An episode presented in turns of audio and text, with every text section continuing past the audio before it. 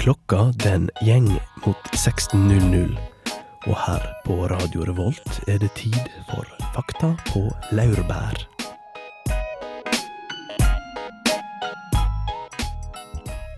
Det glade 60-tall.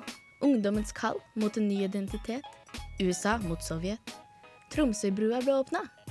Noen kolonier tok til våpna. Norge fant sort gull. Musikkindustrien var full av god musikk. Stumpa kom på TV. Harald skulle kreve Sonja som sin brud. Og en Wenche Myhre i full skrud. Velkommen til ukas Fakta på laurbær. I dag skal vi ha om 60-tallet. Med meg i studio har jeg Susanne, Hei, hei. Sverre God dag. og Egil. God dag, god dag. Jeg heter Ragnhild Skaugen, og jeg gleder meg innmari mye til dagens sending. Hva med dere, folkens? Ja, det blir veldig bra. Voldsomt. Voldsomt bra. Eh, den første låta ut i dag er Flatbush eh, Zombies med Tug Waffle. Og rett etter den så skal dere få høre hvordan det sto til i Norge på 60-tallet.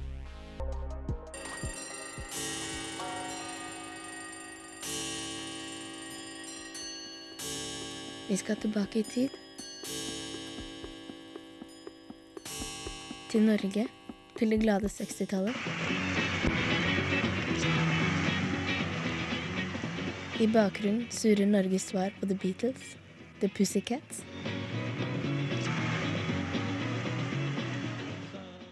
Ungdomssypen resulterte som kjent i for langt hår på guttene, utvisninger og tette sluk i gymgarderobene landet over. En ny kulturell identitet var ungdommens eldorado, og som resultat av deres søken ble visesangklubber og fritidsklubber stiftet over hele landet. Oslo fikk den ikoniske Klubb 7 i 1963. Her fikk man høre hvordan det gamle samfunn hadde frembrakt slipset og maskingeværet, men hadde lite å gi utover sin meningsløse forbrukerkarusell.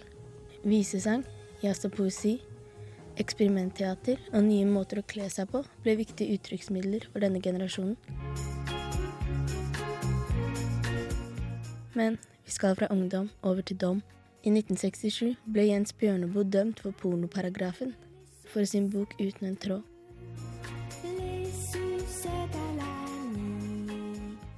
Om hans heltinne Lillian hadde eller ikke hadde et usunt forhold til egen seksualitet, hadde hun i alle fall et sunt forhold til egen kropp. I 1967 slo supermodellen Twiggy gjennom, og med henne kom et nytt kvinneideal. Man skulle være syltynn og se deprimert ut, men man skulle fortsatt tilbringe mye tid på kjøkkenet. Heldigvis kom fryseboksen i 1961. Vaskemaskin hadde vi fått allerede, og når fjernsynene kom, så slapp man å sitte som Hans Roslings bestemor. And Oh, fantastic. I want to see this. Give me a share. Give me a share. I want to see it. And she sat down in front of the machine and she watched the entire washing program.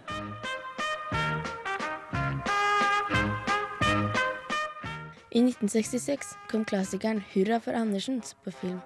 Med stjernelaget Arve Oppsal, Aud Schødemann, Else Lystad og Rolf Wesenlund i hovedrollene. Familien Andersen bor i en nedlagt landhandel i en drabantby i utkanten av Oslo. Drabantbyens byggelag irriterer seg grenseløst over Andersens manglende evne til å innbefinne seg ved deres reglement, og slik starter moroa. Historien som blir fortalt i Hurra fra Andersen, er nok ikke enestående. På 60-tallet vokste mange av landets drabantbyer fram. Utbyggingen av disse, modernisering av jordbruket og nedlagte grendeskoler tappet landsbygda for folk. Og med dette begynte sentralisering i Norge for alvor. Du har kanskje lest noen av bøkene til Anne-Cath. Vestli? Her får du vite hvordan det var å vokse opp i Oslos drabantby. Du har kanskje sett Anne-Cath. Vestli som Kanutten reise rundt med Romeo og Clive. Her får du pur underholdning. Ja, det får du vel i Fakta på laurbær òg, tenker jeg. Ja, vi får satse på det. Ja, 60-tallet det var på en måte begynnelsen eh, på slutten av uskylden, føler jeg. Ja. Og for å understreke dette, nei, understreke dette, så tok jeg med en liten låt som dere hørte ba i bakgrunnen av reportasjen, som var eh, Les Suzette med Frans Gall og Serge Gainsborough, hvor Frans Gall var en liten jente på 18 år, søt og uskyldig, og Serge lurte henne til å synge om oralsex. Hun trodde nemlig hun sang om kjærlighet på pinne. Åh, Hun skjønte ikke forskjellen. Så det på en måte illustrerer eh, at nå, nå kommer noen og tar oss, holdt jeg på å si. På 60-tallet så var det mye opprør og Det var liksom Da blir det alvorlig. Plutselig. Brått. Men det er jo andre ting som skjedde da. Da tenkte jeg kanskje vi skulle prate litt om hva var 60-tallet for oss. Hva er det vi liksom eh, romantiserer eh, ved det, da? Jeg tenker jo absolutt på Woodstock. Og Woodstock-festivalen, og også på Stumpa-filmene, som ble nevnt eh, i innledningsvis her. Jeg liker jo de veldig godt, og har lest alle stumpebøkene, tro det eller ei. Det er, jo, er, ikke det, er det ikke det guttelitteratur, Sanne? Nei, det, jeg vil si det er litt sånn enkel litteratur. Litt sånn morsom. Og det er underholdende. Det er sånn- Akkurat passe underholdende. Litt sånn Hardy-gutta, Bobsy-barna, som sikkert også var mye lest eh, litteratur på 60-tallet. Ja, Ja. helt sikkert noe sånt. Hva var det for deg da, Sverre? Jeg var veldig lite bevisst på den tiden, så den informasjonen jeg har fått om 60-tallet, kommer um, tydeligst gjennom musikk. Um, jeg tror musikk er den portalen man går gjennom for å kunne tilegne seg så mye kunnskap som mulig uh, om 60-tallet. Er i Ja. hvert fall min erfaring med det. Vi skal prate mye mer om popkulturen ved 60-tallet senere. Både Sverre og Susanne har fordypet seg inn i eh, musikkens verden. Ja. Men Egil, hva er det du forbinder med 60-tallet? For meg er 60-tallet spennet mellom øst og vest og den kalde krigen. Det er spionvirksomhet i Øst- og Vest-Tyskland, det er ja, Cuba-krisa, det er opprør i Sør-Amerika og ja, kolonifrigjøring og borgerrettighetskamp i Amerika. Og, altså en tid med ja, store, store kamper, da. For eh, Ja. Borgerrettighetene har jo du eh, fordypet deg litt i. Det skal vi høre på eh, nå snart. Først skal vi høre på Night Beats med 'Puppet on a Stream'. Og den tittelen den minner jo litt om 60-tallet, den. Sadie Shaw var med i Grand Prix med den i 1967.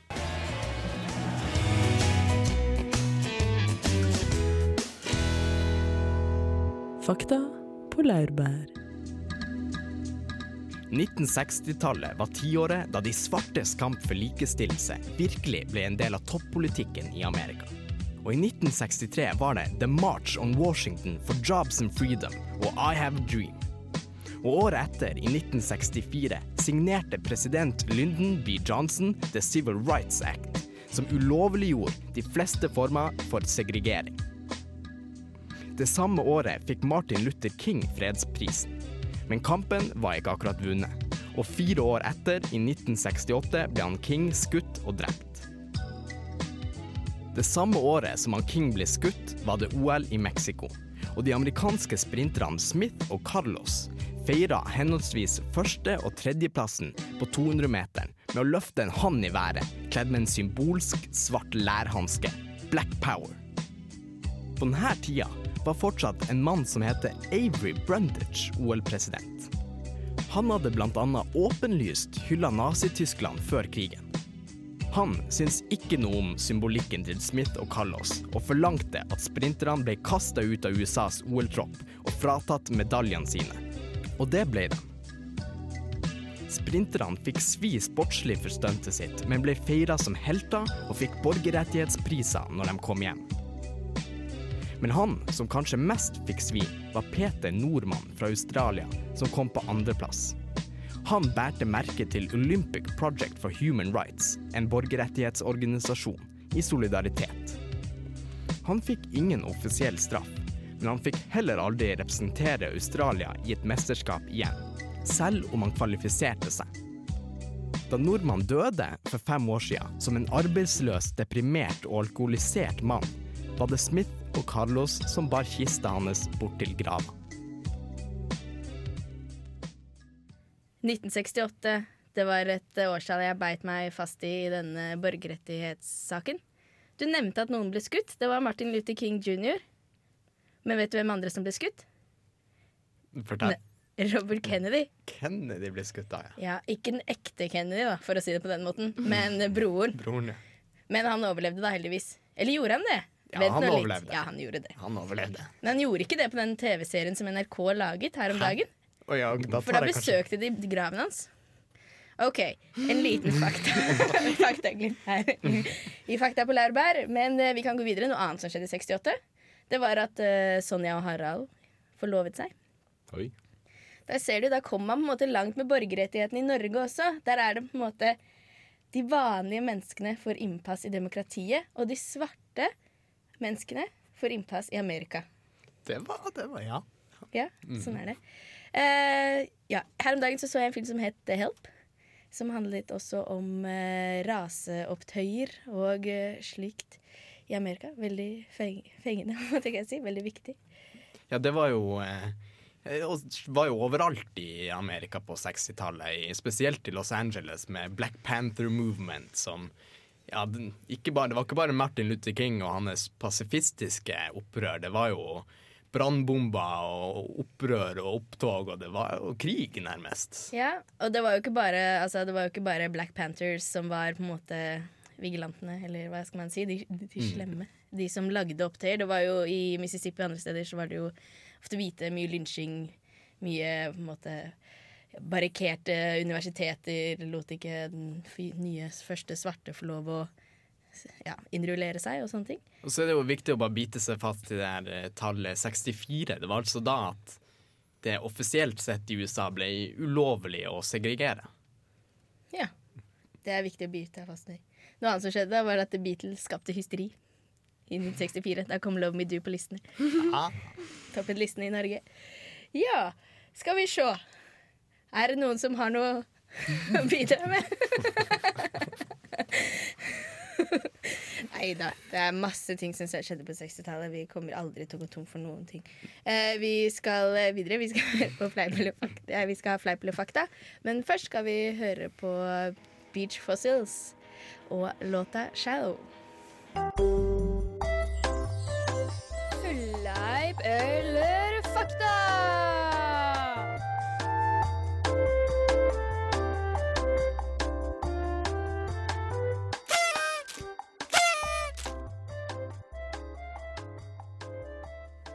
Vi har kommet til Fleip eller fakta-seksjonen av stemningen. Og Sverre, take it away. Jo da, jeg tok på meg surfebrettet mitt og bega meg ut på internettets bølger for å se hva jeg fant. Um, jeg kan starte enkelt hvis dere er klare. Yes. Ypperlig. P-pillen ble introdusert i 1960. Tja, det var jo seksuell frigjøring og slike ting på 60-tallet. Den var, jeg leste noe om at den i hvert fall var på 60-tallet, men om den var på 50-tallet også, det er jo et spørsmål, da. Det kan man si. Fordi det var jo en babyboom etter krigen. Så kanskje man kan tenke seg at eh, 60-tallet kom, og da, da blir det færre baby på markedet fordi de introduserer p-pillen. Er en teori da jeg bare kaster ut der. Så jeg sier fleip, jeg, da. Nei, jeg sier sant, mener jeg. Fakta. Ikke sant? Fakta. Ja. Ja, fakta. Faktaball 3. Jepsi pepsi. Alle har rett, faktisk. Oi, Gratulerer. så gøy. Skal vi se, Nummer to i rekken. Uh, The Beatles ble først introdusert til cannabis av Bob Dylan på et hotellrom i 1964. Jeg Nei. begynte lenge før 1964. Nei, det tror jeg ikke. Jo. 1964 var tiden hvor de fortsatt sang om kjærlighet og koseting og sånn. jo, men var de ute på turné, da? Var de såpass kjente, eller hvor, Ja. hvor kjent var de i 1964? Veldig. Veldig, ja, Veldig kjent. ja, da er Men jeg syns når jeg har hørt at The Beatles eh, dro til India for å lære om seg sjæl, og at det var der de eh, dopet seg ned mest, da. Men på den annen side, Bob Dylan Jeg tror det er fleip. Tullebukk. Ja. Jeg, jeg tror det, de begynte med det før. Før 1964. Ja. Jeg, jeg tror det er fleip, jeg også, men jeg tror de begynte med det etter. Mm, Ja, fleip. Definitivt fleip. Det er faktisk fakta. Så Oi. uh, minuspoeng til alle tre. Å, gud a meg. Så Bob Dylan, altså, han tar alle ut i uføra. Ja, Sender dem i riktig retning musikalsk sett, Ja. kan vi vel si. Um, nummer tre. Over 100 hippier døde som følge av å ta dårlig LSD under Woodstock-festivalen. Å, det er veldig trist, Ja, hvis det er sant. Grusomt. Jeg tror veldig på det. Jeg hørte en gang om en som tok LSD og trodde han var en appelsin, så han gikk rundt og var redd for at folk skulle skrelle ham. Og Da kan man jo dø hvis du går rundt og er redd for det hele tiden. Men uh, jeg ser ikke bort fra at folk dør. Nei, jeg- Nei, det er jo kanskje ikke helt umulig. Nei.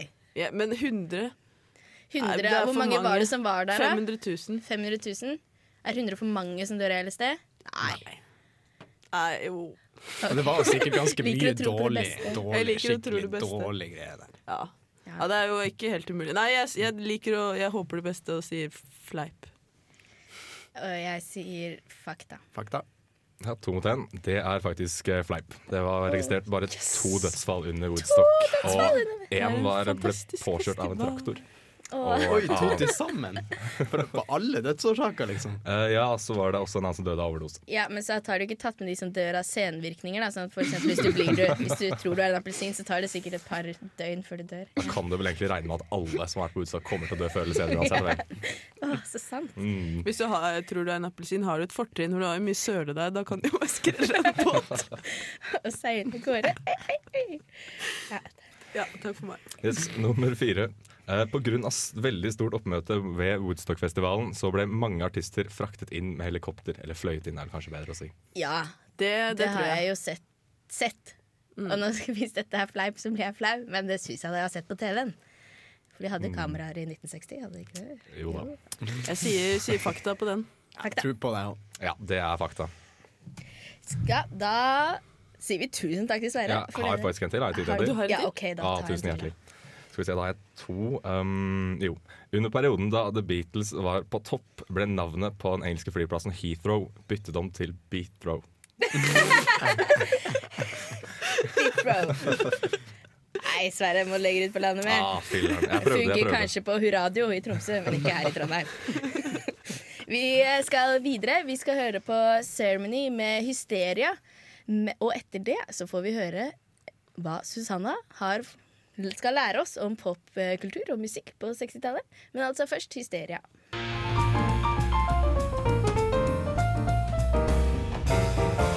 Fakta på laurbær.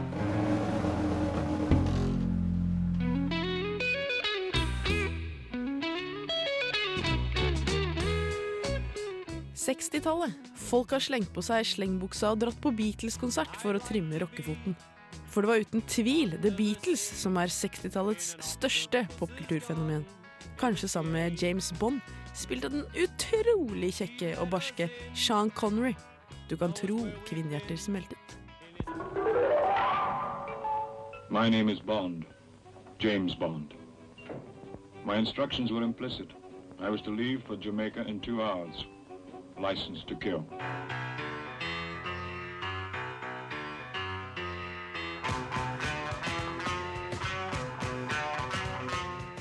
Fast food var selvfølgelig populært, og den første tacobell-restauranten åpnet.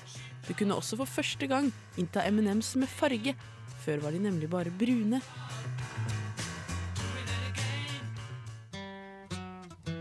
Men trass i dans, moro og farget godteri var det også i dette tiåret at amerikanerne trappet opp sin militære tilstedeværelse i Vietnam. Protestene var store, spesielt blant de antimilitaristiske hippiene, som nå kunne ses overalt med sine fargesprakende biler og klesstil. Make love, not war, sa de, mens de lagde kanskje en av tidenes største musikkfestivaler. Well, come on, all you big strong men. Uncle Sam needs your help again. Got himself in a terrible jam way down yonder in Vietnam. Put down your books and pick up a gun. We're gonna have a whole lot of fun. Det snakkes selvfølgelig om Woodstock, festivalen som brakte 500 000 tilskuere til gården til Max Jaskur i Bethel i New York i året 1969. Det var duket for tre dager med fred, musikk, kjærlighet, LSD og søle. Du fikk annet høre Arlo Guthrie,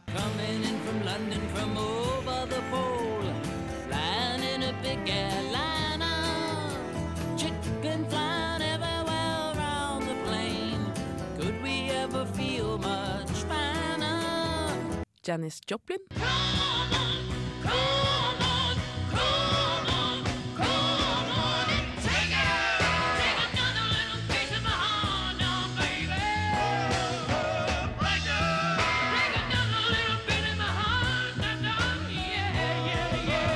og Joe Cocker.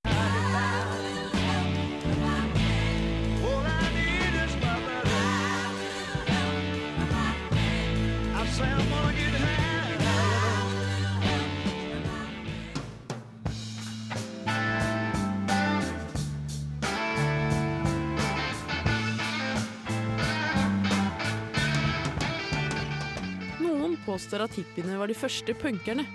Punkerne selv fnyser i avsky og mener de er hippienes rake motsetning. Men den diskusjonen får vi spare til 70-tallet.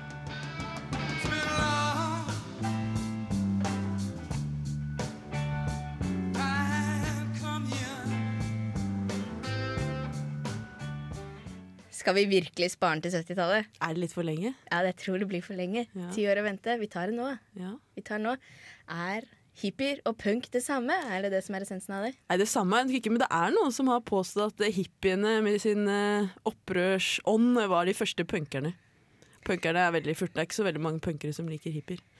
Nei. Jeg har en eh, en måte, sammenligning å komme med. Det er jo at eh, Den er litt vag, da. Men uh, i Oslo, når uh, Sex Pistols var i Oslo, så skal man jo si at oi, hvis alle som hadde påstått at de hadde vært der, hadde vært der, så hadde det vært veldig fullt. Ja. Skjønner du hva jeg mener? Mens Og da kan jeg tenke meg at det er litt av det samme med Woodstock. Alle har lyst til å romantisere det. Alle, alle som var en del av den generasjonen, var på Woodstock. Mm. Alle som var en del av punkgenerasjonen, var der når Sex Pistols spilte i Oslo. Ja. Ja, Men var de det? det var de det. Det kan man si. Nei, eh, de var jo opptatt av frigjøring. Da. Jeg kan tenke meg at det var på en måte, en måte å skille seg fra sin tids uh, generasjon. Gjøre et litt uh, opprør. Seks- Mm. ja, 60-tallet var jo mye med opprør å gjøre. Det var jo mye studentopprør i Paris, for eksempel. Det som på en måte avlet 68-generasjonen. Ja, at uh, Som på en måte vil skille seg fra det bestandige og ja, sånn som jeg sa i min sak, at uh, de følte at samfunnet har bare gitt dem maskingevær og menn i slips. Ja. La oss finne noe annet, noe bedre, noe vi kan på en måte tufte vår framtid på. Men, men er det noen som vet hva eh, studentene i Paris egentlig gjorde opprør mot?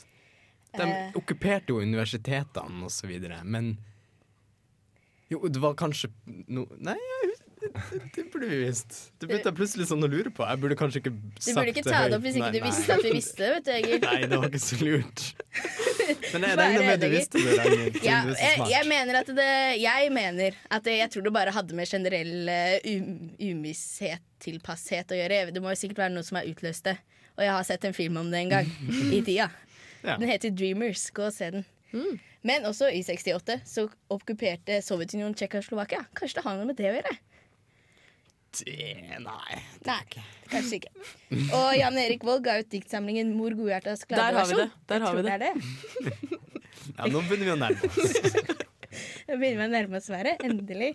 Men uh, Sverre, du har jo også sett litt på hippiegenerasjonen. Litt mer uh, fokus på selve konseptet hippie, da. Ja, hva som ligger bak det, og hvorfor de ehm, hva skal jeg si, eh, ble til en slags gruppe eller en bevegelse. Ja, Vi har jo sammenlignet uh, hippier med punk. Vi har i hvert fall prøvd ørlite grann. Hva er det du vil sammenligne hippiebevegelsen med? Um, de hadde vel, eller Jeg vil kanskje forklare hippiebevegelsen som en um, bevegelse som eh, hadde kanskje gode ideer i teorien, men i praksis hadde det blitt vanskelig å gjennomføre alt det de sto for. De var imot materialisme og um, mye mer, et mer fritt samfunn. Uh, og man må vel ha litt regler for at det skal fungere. Ja, Vi eh, skal høre på Sverre, og hva han eh, Altså Sverre i fortida. 60-tallet. For et vakkert og begivenhetsrikt tiår. Allerede i det første året av 60-tallet ble Aftenposten utgitt som Kristiania Hei. Sverre. Vi skal prate om 1960-tallet, ikke 1860. Ah, men jeg kommer jo aldri i verden til å rekke å prate om det 60-tallet på noen få minutter. Jo da, det går så bra, så. Greit, da. Da trenger jeg i hvert fall noe stemningsmusikk. Ah, 60-tallet. Et vidunderlig tiår, glorifisert og beundret helt fram til den dag i dag. Det var nettopp dette tiåret at hippien gjorde sitt inntog i samfunn verden over. Hva og hvem var denne hippien, spør du kanskje? Jo, nå skal du høre. En hippie var en tilhenger av den såkalte hippiebevegelsen, som var en protest- og ungdomsbevegelse som blomstret frem på midten av 60-tallet.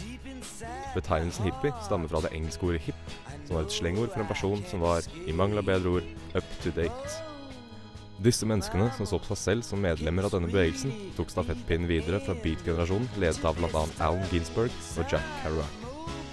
Noen av bevegelsens syn var antimaterialisme, liberalisme, fokus på det naturlige ved mennesket, mistro mot de etablerte sannheter generasjonen før dem hadde etablert, og sist, men ikke minst, peace and love. Hippene hadde også noen måter å te seg på som gjorde det noenlunde lett å identifisere dem.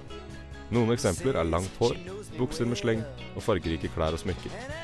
Både kles- og hårstilene var en slags måte å vise avstand fra det etablerte samfunnet de ikke ville være en del av. En annen ting som opptok hippiene, var eksperimentering med hallusinogene stoffer som LSD, meskalin og forskjellige varianter av sopp. Interessen for å se livet fra et annet perspektiv, eller kanskje til og med oppnå en slags kosmisk innsikt, var noe som fristet mange.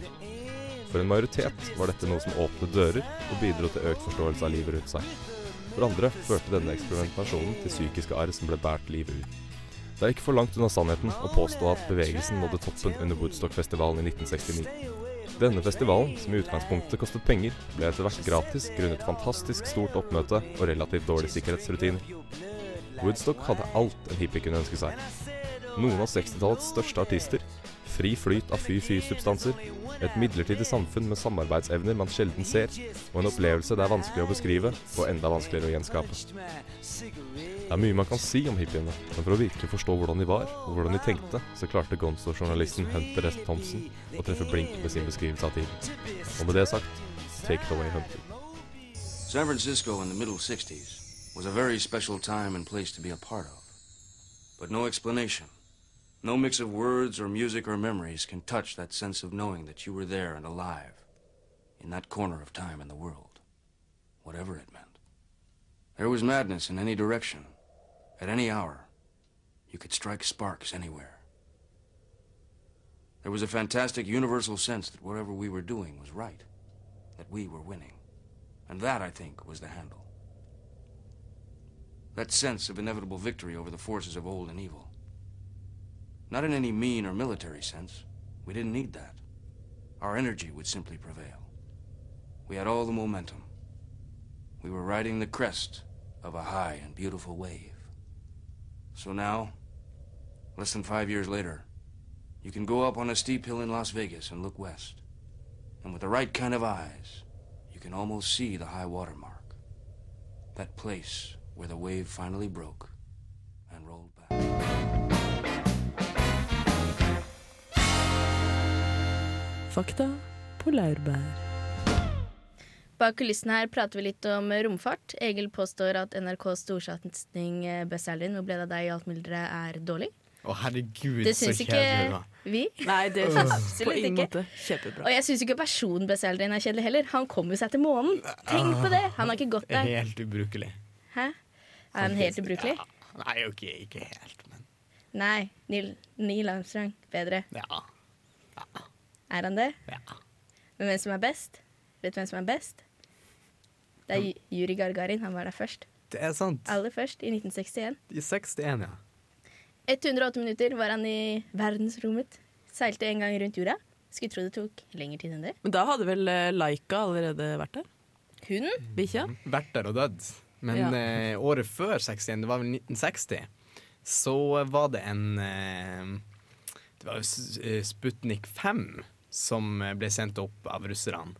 Som eh, inneholdt noen, et par hunder og noen andre sånn dyr eller forskjellige planter og sånn, som, eh, som faktisk overlevde. da. Så var det 1960 så var det de første ja, levende skapningene som overlevde.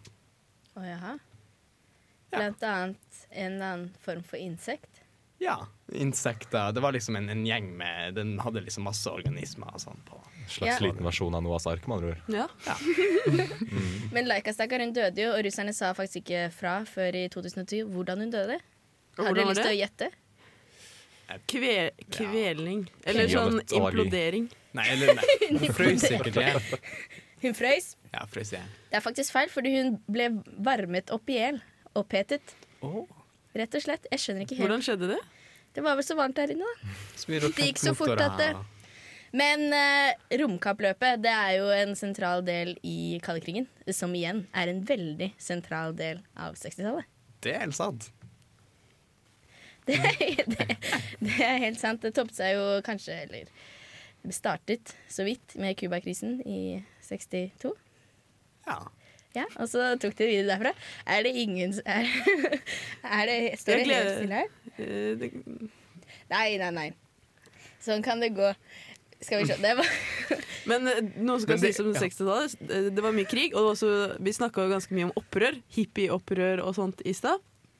ja. Og da tenker jeg vi har jo aldri gjort noe ordentlig opprør, har vi vel? Det, det eneste vi gjør, er å gå i sånn fakkeltog og litt sånn. Får dere ikke lyst til å gjøre litt opprør? Eh, jo. Jeg gjorde det veldig når jeg gikk på ungdomsskolen. Da laget jeg mitt eget parti og sånn. Eh, som var dritslemt, for det var mot vaksiner og sånn. For jeg var så redd for at jorda skulle bli for full. Så, eh, men bortsett fra det, opprøret der, ikke så mye. Og så var jeg en tur på Blitz da Når jeg var 16 og Ja. fikk slått ut tanna mi. Men bortsett fra det, ikke så mye opprør. Har dere noe opprør på å skrive opp? Nei, dårlig med opprør, altså. Dårlig. Ja, ja. På, på samme måte som det er så dårlig med romfart nå for tida. Jeg tenker på 60-tallet, USA og, og eh, Sovjet, som bare brukte altså, vanvittig store deler av si, sine lands ressurser på liksom eh, bare sende ting opp i verdensrommet uten å liksom få noe materielt tilbake for det. Så vanvittig store ressurser. Og i dag så bare bruker man nesten ingenting. Det er litt trist. Ja. Og apropos overbefolkning, så er det jo i dag vi trenger det. Skal vi sende noen kolonier til månen? Har du troa på det? Eller til Mars, for den saks skyld?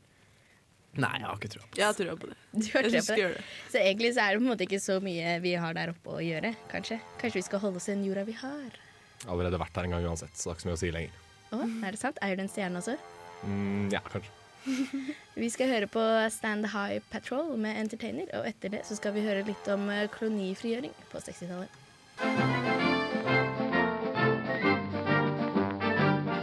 Fakta på laurbær.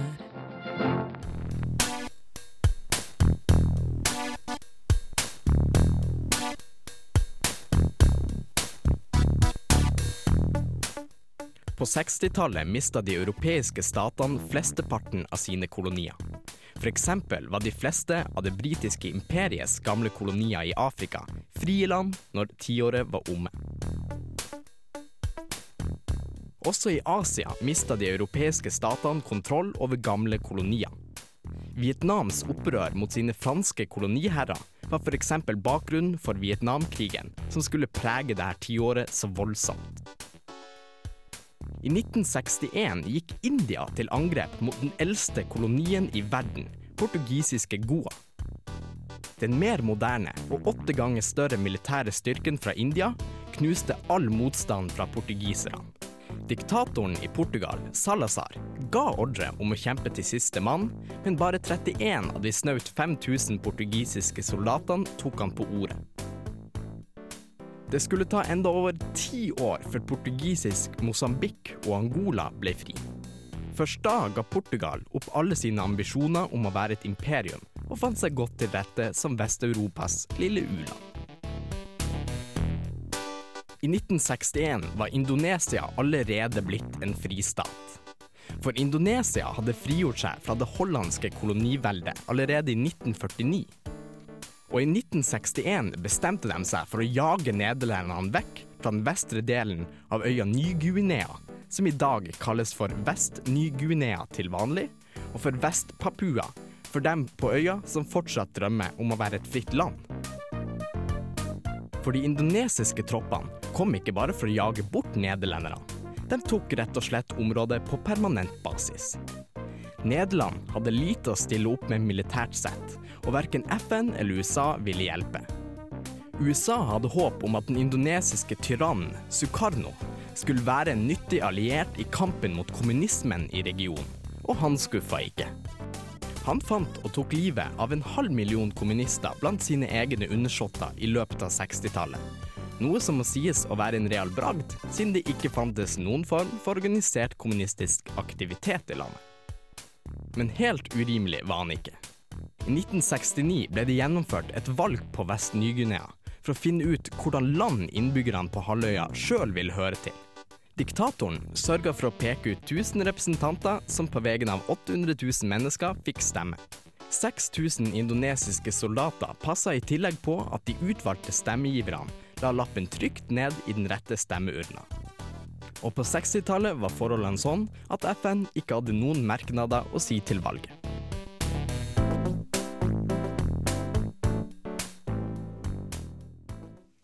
Er det noen kolonier igjen i verden nå? Ja, så absolutt. Og jeg vil faktisk si at det blir flere og flere. Eller Ja. mer og mer enn ja, såkalt nykolonialisering. Hva legger du i dette? Nei, eh, den der Jeg vil kalle den såkalte landgrabbing eh, for kolonialisering.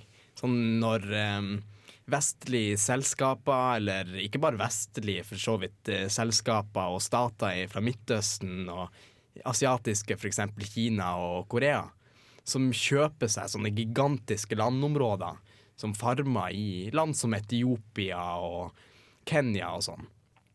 Hvor de eh, ja, eh, hvor eh, ja, småfolket som lever på de her områdene, blir eksporit, eksploitert? Ja, jaga bort fra området, og de store selskapene går inn og harddyrker de her landområdene for å få tak i ressurser. Ja, Hvis det er det du legger i kolonisering, så skjønner jeg veldig godt at det, det skjer. Det er jo mye biorøveri, f.eks.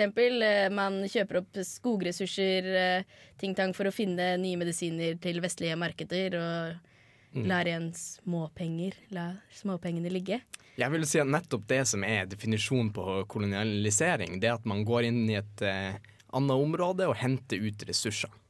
Men hva med Afghanistan, eksempel? Er det en koloni? Nei, det blir ikke henta ut ressurser derfra.